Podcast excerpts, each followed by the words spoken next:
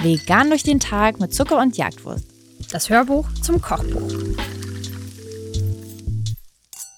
Diese Krebs sind ein Beispiel für ein Rezept, das komplett aus dem Ruder gelaufen ist und in einem, einer köstlichen Variante eines Basics eigentlich endete. Denn worüber das? wir mal geredet haben, ist eigentlich, dass wir vegane Krebs irgendwie ins Kochbuch bringen wollen. Ich finde es lustig, dass das für dich aus dem Ruder laufen ist, dass aus einem langweiligen etwas sehr Leckeres wird. naja, Krebs in Basics sind ja auch nicht langweilig. Aber die können ja auch schon reichen. So ein Crepe mit Zuckerzimt. Mm, köstlich. Schon. Das ist basic, aber ist köstlich. Naja, und irgendwie habe ich aber dieses Rezept abbekommen. Und da konnte man sich eigentlich dann schon auch erwarten, dass am Ende was Frittiertes bei rauskommt. Es startete, wie gesagt, mit Basic Krebs. Dann dachte ich, das ist ein bisschen zu langweilig, wir füllen das. Hab natürlich überhaupt nicht überlegt, ob man das auch süß füllen könnte, sondern habe direkt überlegt, wie man es herzhaft füllen könnte. War am Anfang noch auf einer Füllung mit Pilzen, hab das dann probiert, hab die Sachen dann zusammengerollt, hab das gegessen, fand es lecker, dachte dann, könnte aber ein bisschen Crunch auch noch dazu kommen. Hab dann überlegt, ich könnte es ja auch panieren, aber wenn ich es einmal paniert habe, kann ich es auch direkt frittieren. Und so sind diese kleinen frittierten Crepe-Röllchen herausgekommen. Die Pilze wiederum sind leider herausgeflogen. Das liegt daran, dass ihr an sich auch eine andere Füllung für diese Krebs natürlich machen könntet. Ihr könnt die füllen, wie und womit ihr möchtet. Aber ich finde, damit man die wirklich so rollen kann, damit die auch wirklich dann kompakter sind, nicht wieder auseinanderfallen, noch nicht zu schwer werden. Die, also, ne, natürlich ist ein Crepe hat ja schon ein bisschen Gewicht, aber wenn ihr da noch eine Heavy-Füllung, die auch noch stückig ist, reinmacht, dann wird das Rollen schwierig, dann wird das Panieren einigermaßen schwierig und beim Frittieren spätestens werden sie wahrscheinlich aufgehen. Deswegen tatsächlich sind am Ende die ähm, Pilze geflogen. Ich habe trotzdem noch ein bisschen Räuchertofu reingemacht, aber alles wird wirklich fein, fein, fein gewürfelt. Hier könnt ihr euch mal eure Messerskills richtig antrainieren, üben, perfektionieren, wenn ihr das auch möchtet. Äh, ich bin zumindest an einem Punkt mittlerweile, wo ich Sachen wirklich sehr klein würfeln kann.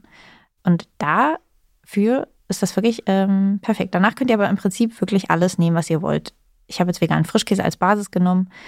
Ihr könntet aber auch, also zum einen könnt ihr nicht nur Naturfrischkäse nehmen, sondern ihr könntet auch Kräuterfrischkäse nehmen. Ihr könnt aber auch eine andere Form von Aufstrich dafür verwenden. Und wie gesagt, ihr könnt auch in der Füllung nehmen, was ihr wollt, aber wenn ihr was habt, was stückig ist, würde ich es wahrscheinlich vorher einmal mit einem Pürierstab tatsächlich zu so einer Paste machen, einer dicken Paste. Und dann könnt ihr eigentlich auch alles reinstreichen, was ihr möchtet.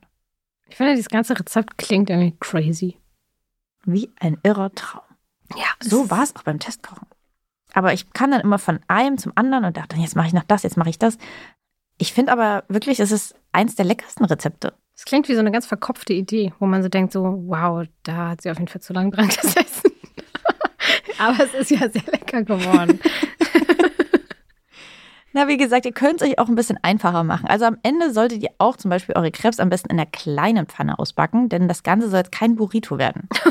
Oh Gott, das wird immer schlimmer. Könnt ihr auch machen. Das wird schwierig beim Frittieren. Ähm, es soll hier darum gehen, dass ihr schon kleinere Crepe-Röhrchen habt. Also wir kriegen ungefähr acht Stück daraus. Ähm, und deswegen nehmt am besten auch eine kleinere Pfanne oder guckt dann einfach, dass ihr den Teig so verteilt, dass die Krebs nicht ganz so groß werden. Da packt ihr dann im Prinzip eure Füllung drauf, rollt das Ganze ein und danach wird das Ganze paniert.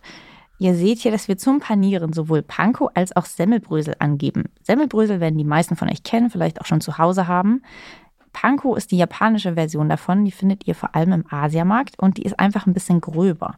Dadurch werden aber auch die Dinge, die ihr darin paniert, auch ein bisschen knuspriger, weil eben mehr Oberfläche da ist, die dann beim Frittieren knusprig wird. Also ihr könnt beides natürlich verwenden, beides fair enough. Die Semmelbrösel-Variante ist ein bisschen gleichmäßiger, was gerade vielleicht cool ist, wenn ihr das Ganze in weniger Öl anbratet. Ich würde euch aber sowieso natürlich empfehlen, das Ganze in viel mehr Öl auszubacken.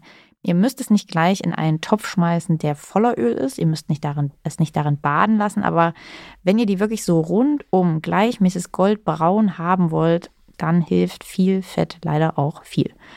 Wenn euch dieser Look aber auch egal ist, ist es ja am Ende auch, die Sachen sollen einfach knusprig werden, könnt ihr auch einfach eine kleinere Pfanne ein paar Zentimeter hoch mit Fett füllen, mit Öl und dann bratet ihr die darin im Prinzip, bis sie von allen Seiten goldbraun sind.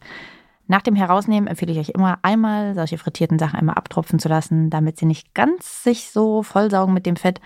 Und danach könnt ihr diese frittierten Krebs ganz herrlich mit so einem veganen Schmand servieren. Ihr könnt auch veganen Quark nehmen, wenn ihr keinen veganen Schmand findet.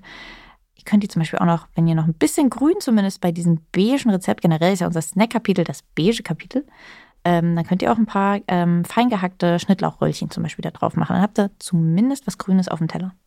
Ich kann mir sehr gut vorstellen, dass dieses Rezept, ähm, wenn man so durchs Buch blättert, nicht unbedingt das Rezept ist, wo man denkt, oh ja, das mache ich jetzt auf jeden Fall, weil es einfach, äh, weil man es nicht so kennt und weil es nichts Gewohntes ist. Aber ich glaube, es lohnt sich übelst, das einfach mal zu probieren und zu machen, dass man danach sehr überrascht ist, wie ähm, lecker das doch am Ende schmeckt. Also in diesem Sinne, probiert das Ganze doch einfach mal aus. Und dann gucken wir, ob ich wirklich aus dem Ruder gelaufen bin oder ob es nicht doch ganz gut war.